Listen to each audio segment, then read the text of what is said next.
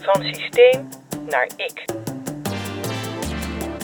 Eva en Kees gaan dit keer naar Rotterdam. Ze gaan op bezoek bij geboren Rotterdammer en de hoogste baas van het Openbaar Ministerie, Gerrit van den Burg. Eva is trainer en oud-journalist en maakt zich sterk voor een menselijke overheid. Kees helpt teams om talentgedreven te werken en wil van organisaties een inspirerende plek maken. Samen gaan zij hierover in gesprek met topambtenaren en bestuurders. Want hoe doe je dat? Je eigenheid behouden en de mens blijven zien in een systeemwereld vol regels en protocollen. Nou, onze allereerste podcastopname die vond plaats uh, midden in de eerste coronagolf. Toen uh, reisden wij af, hè, Kees, naar Amsterdam. Bijna leeg hoofdkantoor was dat. Van Arkin, GGZ-instelling. Ja. En nu zitten we in de tweede golf. En zijn wij allebei in Rotterdam beland. Beter op Zuid. Want daar zitten we op Zuid bij het Openbaar Ministerie. En we zijn hier te gast bij de hoogste baas van het Openbaar Ministerie. Ja, zo heet dat. Het begint wat een beetje te lachen, Gerrit van den Burg. Uh, het hoofdkantoor overigens van de procureurs-generaal is in Den Haag. Ja, klopt. Ja, maar Rotterdam is wel een beetje je stad, toch? Rotterdam is niet een beetje mijn stad, Rotterdam is helemaal mijn stad. Ook al woon je er niet meer. Het is ik woon wel, er niet ja. meer, maar ik ben hier wel geboren. En, uh, en uh, dus blijft het altijd een beetje van mij. Ook je eerste stappen in je carrière hier gezet, Ook. toch? Ik heb hier bijna uh, tien jaar bij de politie uh, gewerkt. Toen nog gemeentepolitie Rotterdam. Dus uh, ik zeg altijd twee politiebestellen geleden. en dat waren echt hele mooie jaren ook. Toen was je ook commandant van de mobiele eenheid. Ook, ja. En als je dan denkt van het geweld is pas van de laatste jaren, hè, bijvoorbeeld rondom voetbalwedstrijden. Nou, dat is niet waar, want ik heb in de, en heb ik het over midden jaren tachtig, echt ook nog keien moeten koppen. Uh, en bij sommige west wedstrijden kwamen de, toilet, uh, de toiletpotten naar beneden in de, uh, rondom de kuip. dus dat ging er toen ook al heel heftig aan toe. Nu is het helemaal leeg in de kuip. Ja, nu is het helemaal leeg in de kuip, ja. Maar ja, ze staan wel bovenaan, dat wel. um, is het over, over leeg gesproken ook altijd, want het is betrekkelijk leeg hier in het gebouw. Heeft dat ook met corona te maken? Ja, zeker. Het corona heeft op het OM ook een, een hele grote impact. Want ook wij gingen van de een op de andere dag eigenlijk thuiswerken. Uh, op die collega's na die nu eenmaal naar het uh, kantoor moeten vanwege een kritiek primair proces wat thuis vandaan niet kan. Uh, dus je moet dus zo ervan uitgaan dat we ongeveer elke dag duizend mensen op de kantoren hebben en de rest werkt overwegend thuis. En dat op een organisatie van om en bij de 5000 mensen. Leidt dat tot problemen? dat leidt natuurlijk tot problemen. Uh, zeker in het begin. Maar wat doet een, een hoogste baas dan op zo'n moment? Uh, de hoogste baas ging uh, in elk geval in het begin ook thuis werken. We hebben met, met de andere procureurs-generaal een rooster afgesproken. Eén dag, elke dag één PG aanwezig op kantoor en de rest thuis. Naarmate het vorderde zijn we het wel wat meer opgepakt. Maar nu hebben we ook voor onszelf, zijn we weer op de rem gaan staan en nu zijn we weer overwegend thuis aan het werk. Met uitzondering dus van die ene PG die roosterdienst heeft en op, het, uh, op ons hoofdkantoor aanwezig is. Er is altijd iemand. Er is altijd iemand, ja. Die waakt, hè? Nou ja, kijk, er zijn, we hebben een heleboel collega's die waken. Uh, ook s'nachts trouwens. Uh, dus ik zou het woord waken niet gebruiken, maar wel... Uh, ik vind dat er altijd een, een hoogste baas ook aanwezig moet zijn uh, op een organisatie als die van ons. Dus uh, het is veel meer die aanwezigheidsfunctie. Maar en natuurlijk dan? het waarom stukken. Is dat, waarom is dat van nou, dat vind ik vanuit, vanuit, vanuit de symboliek van belang. namelijk ons instituut, het Openbaar Ministerie, staat elke dag midden in de samenleving voor recht en rechtvaardigheid. Dat betekent dat ook, ook vanuit, vanuit het hoogste echelon iemand aanwezig hoort te zijn. Of, of hij of zij daar nou veel inhoudelijk werk heeft of niet. Dat vind ik niet zo belangrijk, maar dat is er natuurlijk ook altijd elke dag wel. Hè? Er is altijd wat te tekenen, er zijn altijd telefoontjes, er zijn altijd uh, overleggen die, uh, die doorgaan. Maar gaat het over aanspreekbaarheid, verantwoordelijkheid dragen? Ja, het gaat over aanspreekbaarheid en verantwoordelijkheid dragen, maar ook zichtbaarheid. Uh, dat we zichtbaar aanwezig zijn om onze organisatie ook die dag weer door te kunnen helpen en, bij, en de collega's bijstaan. Ik vraag dat zo specifiek omdat wij hè, in deze podcast elke keer op zoek zijn naar welk verschil maakt het ik, zal ik maar zeggen. Uh, dit is iets wat echt uit je hart komt, voel ik, bijna uit je onderbuik. Hè? Ja. Zo van dat is belangrijk. Dus zou het kunnen zijn dat onder één van je voorgangers, en het gaat me helemaal niet om namen, maar dat dat dan anders was geweest? Dat weet ik niet. Ik, uh, ik kijk niet zozeer naar voorgangers, eerlijk gezegd. Ik ga uh, echt van mezelf uit en van de manier waarop ik leiding wil geven. en waarop ik vind dat ik me uh, moet en wil verbinden met onze organisatie. Ik zeg wel eens, uh, in zo'n functie als deze is echt verreweg het moeilijkste onderdeel verbinding houden met je eigen organisatie. Hè? Want uh, voor je het weet word je opgeslokt door het Haagse bestuurlijke leven. maar als ik s s'morgens naar het werk ga en ik kijk in mijn agenda, dan raak ik niet geïnspireerd door die vijf of zes vergaderingen die ik die dag heb. ook ik haal mijn inspiratie elke dag uit het werk wat onze mensen doen. Uh, in de onderzoeken, op de zittingen, uh, in de overleggen met de politie, in de buikpijn die ze hebben, in de knelpunten die ze meemaken en de missie die we moeten waarmaken. Creëer je die momenten dan ook? Ja, die creëer ik eigenlijk wel op een instrumentele manier. Ik laat ze in mijn agenda zetten. Uh, de ontmoetingen die ik met onze organisatie en met de collega's in onze organisatie heb. Dat deed ik voor corona. ging ik elke week naar een onderdeel. Eh, flexen, met de collega's in gesprek. En nu doe ik het via FaceTime. Uh, je moet het echt organiseren, want anders gaat het niet. Nou had je het over buikpijn. Um, het OM staat natuurlijk enorm onder druk hè, de laatste jaren al. Politieke druk is hoog, media-aandacht is vrijwel continu. Uh, kritiek van alle kanten, of het nou om kroongetuigen gaat of om advocaten die woedend zijn omdat hun basisrechten geschonden zouden worden. Wat doet dat met jou? Uh, nou, we doen het toe, denk ik dan. We doen het toe. Uh, en, uh, dat is omdenken. Ik zeg, ook altijd, ja, nou, ik zeg ook altijd, neem ons de maat als dat nodig is. ik vind het ook belangrijk om met, en dat proberen we ook te organiseren, om met criticasters om de tafel te gaan, om daarvan te leren. Dat klinkt obligaat en zo bedoel ik het niet. Want ik, ik vind oprecht dat een organisatie als het OM elke dag weer kan leren van datgene wat we gedaan hebben of niet gedaan hebben. Uh, het, uh, verder is het zo dat, uh, dat ik ook echt trots ben op het feit dat we elke dag in het nieuws zijn. En ik maak ook echt, als ik op, op teletext, moet maar eens kijken. Het gebeurt niet zelden, of wij beheersen heel teletext. De eerste pagina. En daar maak ik dan een fotootje van. en dan kan ik dan weer een paar dagen mee vooruit. Hè? en dat betekent dus ook dat je kritiek hebt te velen. En dat je daarmee moet kunnen omgaan. Er is alleen wel een grens aan. Kom niet aan onze mensen. Dus als het persoonlijk wordt, dan, uh, dan zal ik ervoor gaan staan. Uh, en natuurlijk, naast dat persoonlijke, ook altijd uh, proberen terug te praten en te proberen de argumenten te beantwoorden. en zelf ook ons verhaal te blijven vertellen. Maar elke officier van justitie, trouwens elke OM'er, die zit daar niet voor zichzelf, die zit er voor de samenleving. en dat wordt, vind ik, ook in die kritiek wel eens vergeten. De mensen werken voor ons. Uh, en uh, ons als burgers van dit land. Uh, en dat, is wel, um, dat is wel belangrijk om dat elke dag je ook te realiseren. Maar realiseren al die mensen bij het OM zich dat ook, denk je? Impliciet natuurlijk wel. Kijk, de, kijk, als je bij het OM werkt, dan moet je echt tegen een stootje kunnen. Je moet, en dat hoor ik natuurlijk ook terug van de mensen, je, elke dag in het brandpunt van de belangstelling. je moet veel competenties hebben. Je moet, kunnen, je moet er een oog in kunnen beslissen, maar je moet ook je oordeel kunnen uitstellen. Je moet stellig zijn, maar je moet ook lenig zijn. Uh, je moet eigenwijs zijn, maar je moet ook verbinding houden. Je hebt zoveel talenten nodig om uh, binnen het OM te kunnen werken. En dat geldt niet alleen voor de officieren trouwens of voor de advocaten-generaal, maar dat geldt überhaupt.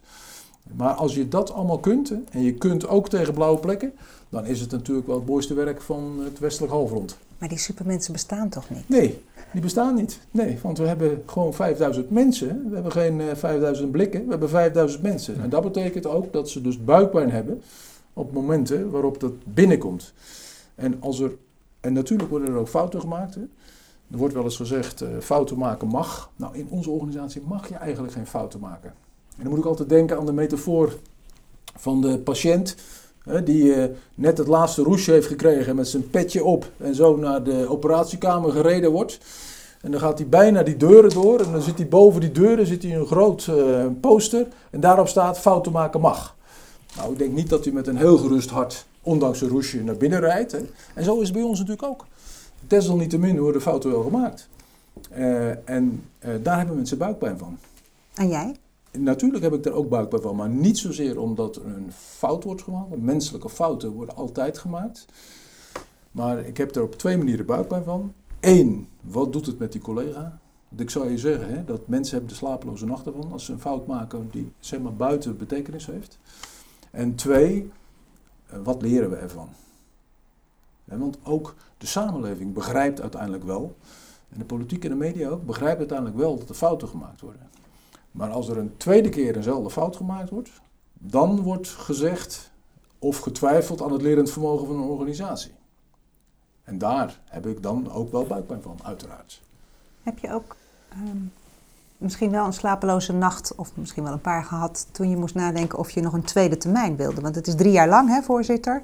En in april, volgens mij dit jaar, heb je besloten, ik ga nog een keer drie jaar. Ja, dat klopt. Je moet wel Eh, gek zijn, dacht ik, Ik heb nooit slaaploze nachten, dus dat, eh, ja, dat klinkt nogal stoer. Maar eh, dat, is, dat is toch wel een feit. Hè? Dus daar hou ik mezelf ook maar aan vast. Hè? Dat, dat ondanks de problemen die in dit werk natuurlijk ook regelmatig aanwezig zijn, dat het dat toch nog steeds niet ten koste gaat van mijn nachtrust. Dat vind ik wel geruststellend, eerlijk gezegd. Mijn vrouw is er vreselijk jaloers op trouwens, maar goed, dat terzijde. Ehm maar ehm, eh, ik heb er zeker over nagedacht. Natuurlijk heb ik erover nagedacht. Eh, maar ik doe het toch met volle overtuiging. Eh, omdat het OM is veel groter dan mezelf. Eh, het OM heeft echt nog veel ontwikkeling te gaan, heeft grote opdrachten te vervullen. En continuïteit is dan belangrijk. En rust en stabiliteit ook. Deze periode en de komende periode. Is, is dat je belangrijkste drijfveer voor deze periode? Om, om rust en stabiliteit te brengen? Rust en stabiliteit. En, Klinkt eh, heel saai, hè? Ja, ja, dat klinkt heel saai, maar ik vind saai geen lelijk woord. Hè. Eh, eh, saai heeft eh, iets neerbuigends, maar ik vind het eigenlijk wel passen bij een, bij een instituut als het Openbaar Ministerie. Hè. We, moeten, we moeten toch de nodige voorspelbaarheid hebben in onze beslissingen. We moeten het goed kunnen uitleggen. En in een steeds polariserende samenleving heb je een instituut nodig dat, dat stabiel koers houdt in het midden. En naarmate de samenleving onrustiger is, is de behoefte aan rust, stabiliteit en koersvastheid van instituten eh, nog groter. Maar kan ook leiden tot rigiditeit. Dat is natuurlijk waar mensen vaak tegenaan lopen in zijn algemeenheid. Als het gaat om grote instituten, of het nou de overheid is of het Openbaar Ministerie. De bureaucratie, de traagheid, de juridisering, het, het het vasthouden aan, aan strak aan regels. Ja, maar eh, stabiliteit en continuïteit is niet voor mij hetzelfde als strak vasthouden aan regels. Waarbij ik natuurlijk altijd wel de onderlegger gebruik dat je van het OM wel mag verwachten dat ze zich aan regels houden. Hè.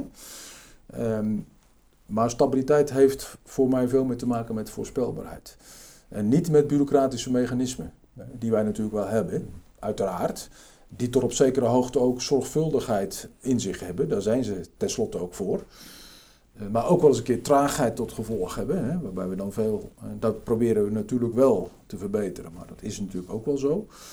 Ehm, maar dat is voor mij dus niet hetzelfde. Grote adaptiviteit leidt tot kleurloosheid. Hè. Ehm, en je hebt instituten nodig die niet kleurloos zijn. Lijkt me een hele opgave. Als, je, als ik dat hoor. Stabiliteit, rust, voorspelbaarheid en niet kleurloos. Ja, dat is het ook. Dat betekent dus dat je, dat je daar eh, elke dag rekenschap, rekenschap van moet geven. Nou, wat Want bet- wat betekent dat van de stabiliteit en mensen dan? continuïteit betekent ook niet dat je weer, of weer, dat je in een ivoren toren gaat. Hè. Je moet je verantwoorden ten opzichte van de samenleving.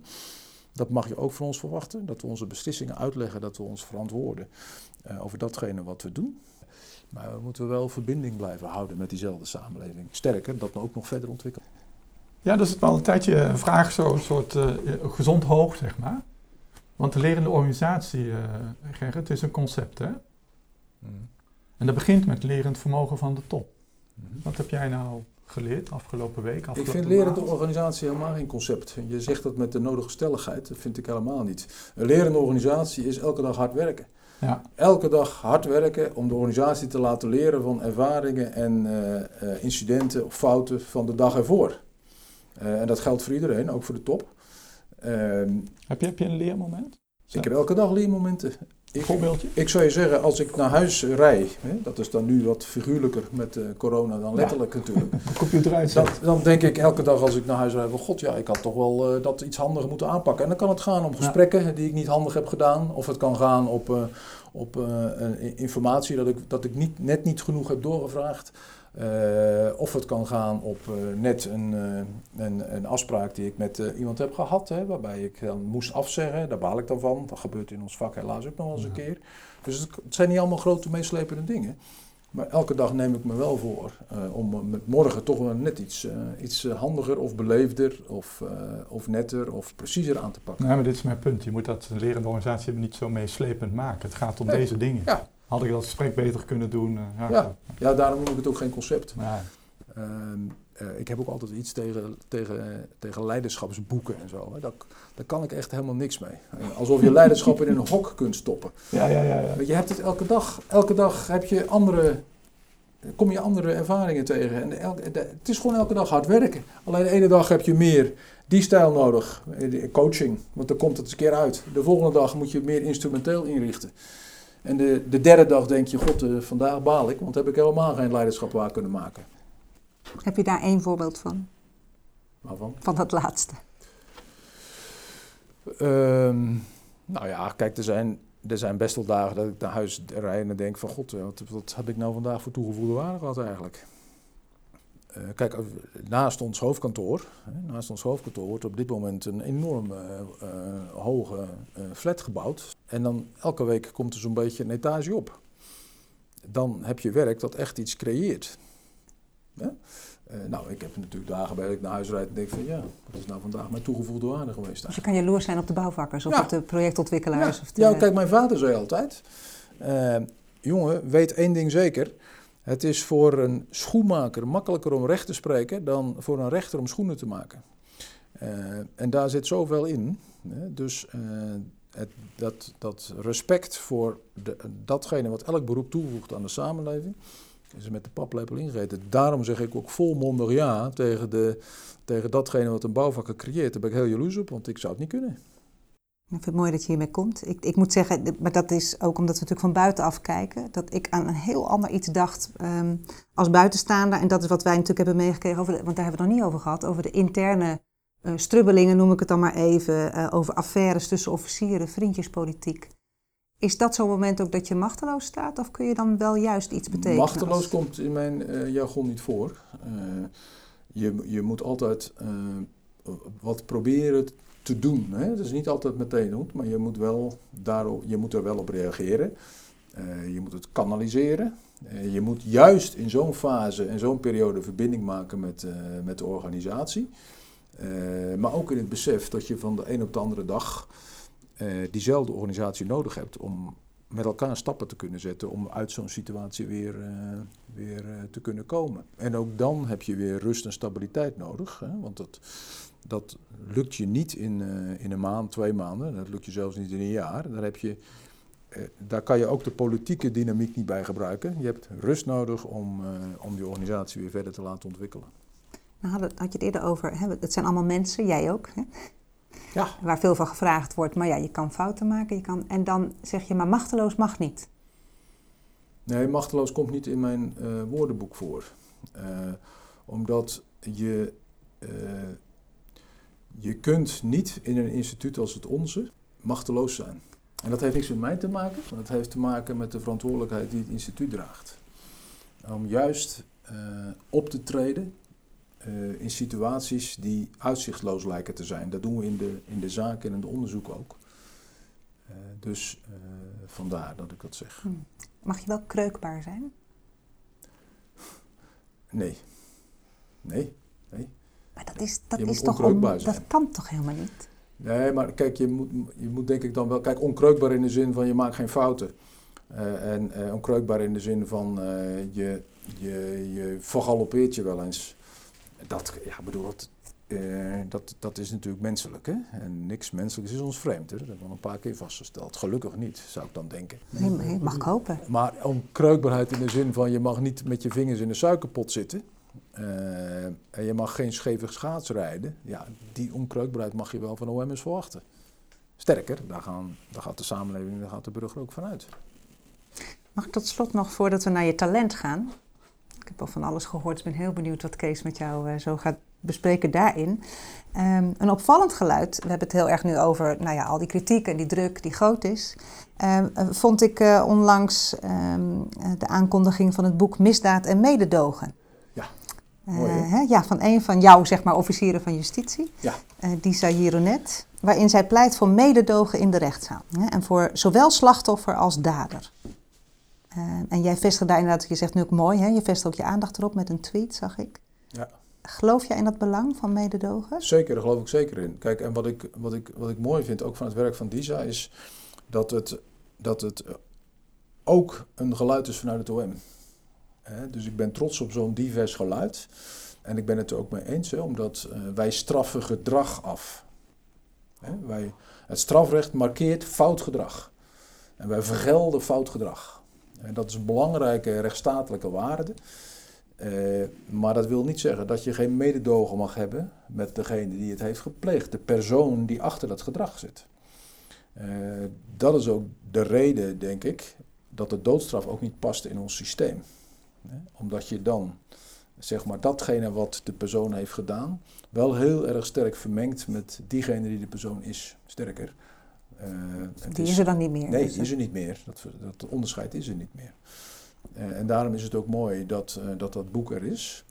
Waarbij wij met elkaar weer een keer kunnen worden herinnerd aan die kant van, van de zitting, hè, van, het, van het strafproces. Namelijk dat je dat je met mensen te maken hebt. In welke rol dan ook. En uh, achter elk dossier zit menselijk leed. Nee, dat laatste geluid vind ik uh, prachtig. Dat gaat ook heel erg over ik. Um, zeg maar dat je dat allemaal kan zien. Hè? Hoe elk individu in elkaar zit en waar die hoe die in elkaar zit en waar die dan toe gekomen is. Um, ik zit even te denken over een uh, interessante invalshoek, want ik heb er wel drie. Mag hij kiezen? Nee, nee, ik kies. Ik kies. Ik zit er even over na te denken, dat deel ik met jullie. Uh, Gerrit, zou jij een recent voorbeeld kunnen noemen dat jij privé iemand hielp? Uh, ja. Anekdotisch, zonder naam en toenaam natuurlijk, maar gewoon, ik was een boodschappen doen en toen dus dat, dat je dat voorval eens beschrijft. Ja, uh, ja, welk voorval wil je horen? Ja, ik wil niet heroïs klinken, maar uh, ja, in, in ons sociale leven past het om, uh, om uh, te helpen als dat nodig is. Hè? Mm -hmm. mijn vrouw mantelzorgt voor haar ouders bijvoorbeeld. Mm -hmm. dus ja, daar, daar helpen we natuurlijk regelmatig mee. Mm -hmm. maar we helpen ook op gezette tijden de buren. als dat nodig is, ergens mee. Eh, de kinderen natuurlijk ook. Ehm, Kun je ze een voorbeeldje geven van de buren? Gewoon huistuin en keuken hoor, maar dat ik even hoor praten over wat jij daar inlegt dan precies. Wat voor nou, hulp is het dat? Het verzorgen van de, van de katten. Hm. Alledaags voorbeeld, maar ja, ik weet niet of dat nou wel heel interessant klinkt, maar uh, het verzorgen van de katten omdat ze met vakantie zijn. Ja. Dus, uh, nou ja, hoe, uh, hoe alledaags wil je het hebben, hè? Ja, dat is super alledaags. Uh, het klinkt een beetje Piet Luttig, hè? Maar kan je dat eens beschrijven, hoe jij dat doet? Dus niet je vrouw, maar jij. He, jij, sta, jij komt thuis en die katten moeten verzorgd worden en dan? Ja, ik maak er, uh, nu stel je wel een gewetensvraag, want ik maak er niet zoveel werk van als mijn vrouw. Dat dan weer niet. Uh, dan heb ik uh, gelijk al het goede antwoord. Oh. Oké. Okay. Verklaar je Ik maak er niet zoveel werk van als mijn vrouw, hè? Nee. Want ik heb een heel sterk gevoel over jouw talent. Hè. Ik uh, probeer dat altijd in één woord te vangen. Op basis van de tientallen woorden die iemand uh, in zijn woordenschat heeft. En dit antwoord sterkt mij in mijn overtuiging. Hè, dus zou jouw talent kunnen zijn, zorgen dat het ertoe doet. Zorgen dat je ertoe doet. Zorgen dat het ertoe doet. Dat laatste, denk ik. Dat laatste wel. Ja, dat laatste wel. Dat uh, laatste wel. Ik heb een, uh, al zeg ik het zelf, enorm verantwoordelijkheidsgevoel. Mm -hmm. uh, en, en dat komt wel allemaal daar vandaan, denk ik. Ja, hè? Dus zorgen dat het deugt wat je doet. maar vooral ook zorgen dat je organisatie, je, ja, dat klinkt bezitterig, maar dat de organisatie. nee, maar het is relationeel, Gert. Ik bedoel, de je is de ander. Ja, ja. Zorgen, ja, ja, ja, ja. Zorgen dat jij ertoe doet. Uh, zorgen dat het ertoe doet. Ja, maar ja. Zorg dat jij ertoe doet. Uh, ik heb geen enkele behoefte om te zorgen dat ik er zelf toe doe. Nee, dat... Als je begrijpt wat ik bedoel. Hè? Zal, zal ik duiden, Gerrit, waarom ik deze gehoord heb in al die tientallen? Hè? Ja. Kijk, dus uh, het gaat jou heel erg om impact. Het gaat jou mm -hmm. heel erg om die maatschappelijke relevantie. Absoluut. Je staat enorm voor je mensen. Eh, je bent niet een man van, eh, denk ik, van ellenlange vergaderingen en Nee. diep gepsychologiseerd. En, maar je voelt het wel. Mhm. Dus volgens mij heb jij, op basis van wat ik nu van je hoor, een diep gevoel voor wat doet er toe. En dan zeg je, en daar gaat het mij om. Mhm. En ja, de rest is, ja, Ja? in veelheid aanwezig, maar hoe moet ik het zeggen, het, het, het houdt jou niet super bezig. Wat er niet toe doet. Nee. Nee, dat is waar. Dat laatste klopt. Dat laatste klopt, ja. Dat laatste klopt sowieso. Dan zit op het goede spoor. Nee, dat laatste klopt sowieso. Hè. Eh, daar krijg ik ook wel eens feedback op. En namelijk dat eh, als, het, eh, als het er voor mij niet toe doet, dan, eh, dan dwalen mijn gedachten ook af. Ja. En dat ziet de gespreksgenoten ook. Ja. Of ik ben al lang klaar en de gespreksgenoot is nog aan het bezig met, nou ja, Ja. Met, met, met overtuigen of iets dergelijks. Kijk, ik heb het, het, het, de frase even vervormd, maar hij komt uit je eigen mond. Hè? Omdat jij met heel veel overtuiging zei, we doen het toe. Toen Eva zei, je komt al veel in de krant. Ja. De- kijk, zo'n omkering, jij noemde het ook zo, hè, omdenken, die, die moet in je wonen, die kan je niet verzinnen. Nee. Kijk, en dat vind ik dan talent. Dat je denkt, eh, ja, dat, dat is typisch aan mij en dat kan ik dienstbaar maken. Mhm. Want het gaat mij om die, om die combinatie. Ja, mijn talent is verhelderen. Ja, dat kan ik goed, zolang ik het aan een ander aanbied. Want niemand schiet er wel mee op als ik mijn eigen huis helder maak. Nou, dat, Nee. dat, dat punt, zeg maar. Een onverwachte vraag, we doen ertoe. Ik zorg dat we ertoe doen. Ik, ik sta voor dat wij ertoe doen. Ik weet wat ertoe doet. Wat an- andere woorden die ik mij ook opvielen, hè? hou vast, koers vast, koers houden in het midden, kanaliseren. ehm, ehm, weet je, het zit in die hoek. Ja. Maar deze frase, ja, ik ben ook een beetje een taalliefhebber, maar ook omdat het ertoe doet. In deze frase zit voor mij veel meer de diepte die ik Mhm. denk dat jij gek genoeg hebt. Mhm. Gek genoeg? Nou, dat zit niet meteen in je, in je, in je, in je nonsens uitstraling. Oké, oké. Ja, ja, ja. Dat bedoel ik met gek. Paradoxaal genoeg. Ja, paradoxaal. paradoxaal, Paradoxaal, bedoel Ja, ik. ja, ja, ja, ja, dat kan. Eh, ja, ik voel het ook wel zo. Ja, Ja. ja. tegelijkertijd, eh, zeg maar, dat paradoxale zitten we er dan misschien ook wel in het woord saai viel al. Hè? Eh, in de media word ik ook neergezet als betrekkelijk saai. Eh, dat vind ik overigens ook niet zo erg hoor. Nee. Diana, mijn vrouw, vindt me helemaal niet saai, dus daar hou ik me dan maar aan vast. Hè? En bijzonder is wel dat je dat, dat, dat zo'n. Ik bedoel, dat, dat doet me ook eigenlijk niets. Nee. Hoe ik neergezet word. Eh, Doet er niet echt toe. Ja, op nee. een bepaalde manier inmiddels wel, Nee. denk ik, in, in zo'n topfunctie natuurlijk. Nou, eh, saai is ook alweer eh aantrekkelijk vaak. Eh, want saai is, eh, het is toch een beetje atypisch. Eh, tenminste, eh, dat is de, wat je wel eens teruggehoord. Hè? En ik ben ook iemand van, eh, van de drie R'en, hè? heel expliciet. Van de rust, reinheid en regelmaat. Dat stop ik ook niet weg. Eh, nou, dat, is, dat klinkt meestal ook niet zo eh, dynamisch. Hè? Maar dat is wel belangrijk om fit te blijven, voor mij tenminste, in, de, in zo'n functie als deze. Dus jij maakt daar een causaliteit van, hè? Dus dat is ook zorgen dat het ertoe doet. Maar waarom ik er vooral zo feller ben, Gerrit, omdat eh, ik heel veel vurigheid en passie proef binnen de structuur, binnen het instrumentele, binnen de saaiheid, binnen de reinheid, rust en regelmaat. Ja. En dat zit in dat zinnetje. Ja. Die paradoxale combinatie van instrumenteel en organisatorisch en nou, ik wil zeggen, fuck jongens, het gaat wel ergens om en wij staan ergens voor. En jij, als je met iemand in gesprek zit, jij kan ook een verschil maken. Zo is het. Ja. Maar zo voel ik het ook, hè? want wij maken ook het verschil. Elke dag. Ja. We maken elke dag het verschil. Ja, alleen in jouw geval is het niet een platitude. Oké, nee. Snap je het verschil? Ja, ja, ja, ik snap het. Want dat staat in elk le- leiderschapsboek. Ja, ja, ja, is ook zo. Ja. maar je moet het in je hebben. Nee, dat ben ik met je eens. Maar wat mij dan toch nog fascineert, wij maken het verschil, maar als ik zeg tegen jou, zeg nou eens, ik maak het verschil,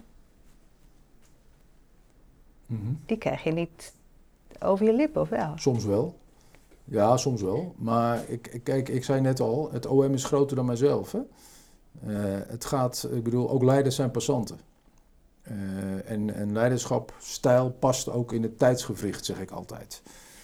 Eh, en eh, wat ik net vertelde over die schoenmaker en die rechter, dat voel ik ook, dat, is, dat, dat voel ik ook zo. Maar- Hè? Ja, dus- jij wil niet in abstracties wonen, jij wil concreet. Exact. en ik vind, de, ik vind Ja. echt de bijdrage van de willekeurige collega, op wat voor positie dan ook, Ja. net zo belangrijk als de bijdrage van een leider.